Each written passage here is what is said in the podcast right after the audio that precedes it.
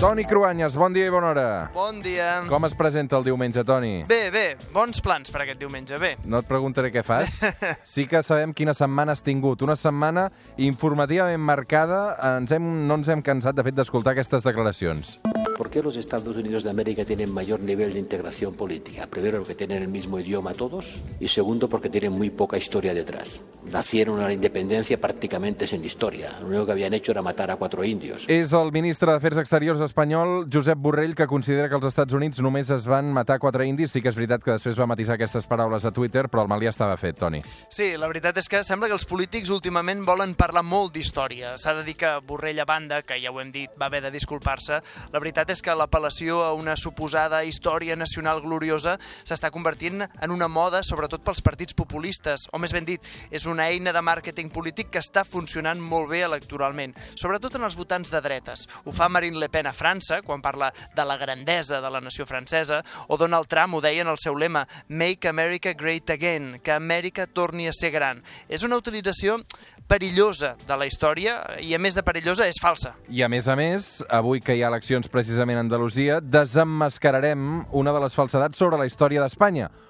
Un dels seus mites, precisament la Reconquista. Si en la derrota no desesperas, ni en la victoria te embriagas, si jamás das una batalla por perdida, ni una bandera por arriada. Aquest és un dels vídeos promocionals de Vox on surt el seu líder Santiago Bascal pujant una muntanya que acaba dient hacer España grande otra vez. És com l'eslògan, de fet, de Donald Trump, això, eh? És que tornem al mateix, que és la utilització d'un teòric passat gloriós per vendre unes idees polítiques determinades, en aquest cas de l'ultradreta. Una ultradreta que el Toni Coranyes ha estudiat i coneix eh, també de prop. El lema de la campanya de Vox, de fet, precisament per aquestes eleccions andaluses és Andalucía por España, apel·len precisament a aquesta reconquista, eh? Doncs va, anem a la reconquista. És una realitat o és un mite, Cruanyes? A ulls de la historiografia moderna es fa molt difícil donar unitat a fets que s'allarguen durant vuit segles. No va ser fins al segle XIX, de fet, que les autoritats acadèmiques espanyoles, en ple romanticisme i per glorificar la història d'Espanya, van establir l'etiqueta de reconquesta per explicar la invasió musulmana provinent del nord d'Àfrica des de l'any 711. Aquell és el moment en què, amb només 10 anys, els àrabs van conquerir un 70% de la península ibèrica, governada fins aleshores per reis i comtes visigots. En aquell primer moment no van van arribar a dominar l'actual Catalunya, però van passar els Pirineus, van provocar la primera reacció en contra a la batalla de Covadonga, Astúries, l'any 722, i aquí seria l'inici de la Reconquista. Però, sobretot, l'èmfasi de la tesi de la Reconquesta es posa en el capítol final, quan s'explica com, de forma heroica, sota els mandats dels reis catòlics, ja només queda per conquerir el regne nazarí de Granada. Només la meitat sud de l'actual Andalusia és la que queda en mans dels àrabs. Andalusia, Toni, eh, va ser territori de frontera durant els dos últims segles de la Reconquista, per tant, eh? Sí, de fet, és tan determinant aquest període en la consciència col·lectiva espanyola i d'Andalusia que la majoria dels pobles andalusos d'aquella zona es diuen de la frontera.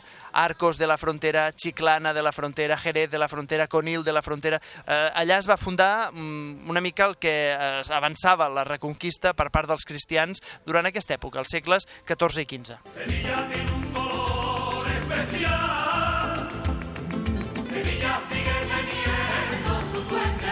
I precisament, Toni, eh, coses com la música, aquí es veu també la petjada dels àrabs de l'època, també en els menjars, no entenc, la cuina... Sí, l'olor, aquest color tan característic d'Andalusia, de l'Andalusia actual, es deu a la gran petjada dels àrabs d'aquella època.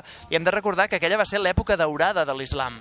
Mentre els reis cristians guerrejaven entre ells i patien uns sistemes feudals de treball i de vida en societat molt endarrerits, Còrdoba era la segona ciutat més important del món, només per darrere de Bagdad, a l'altra punta de l'imperi musulmà.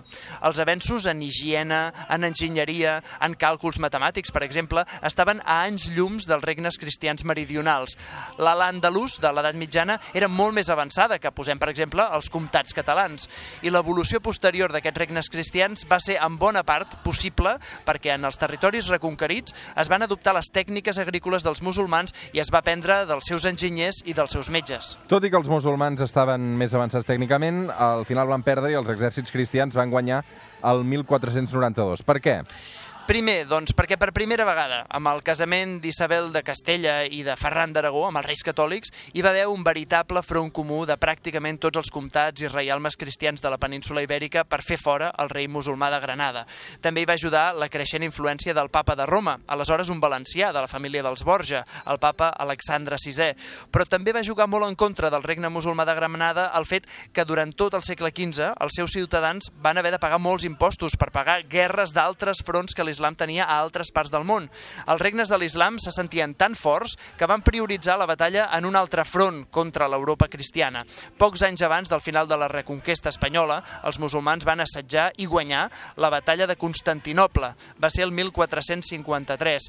El setge de l'actual Istanbul va ser un impuls importantíssim per l'islam i una derrota moral devastadora per l'Europa cristiana. I va marcar l'estat d'ànim i la correlació de forces dels dos mons que estaven enfrontats pel domini en aquell moment, el cristianisme d'una banda i l'islam de l'altra.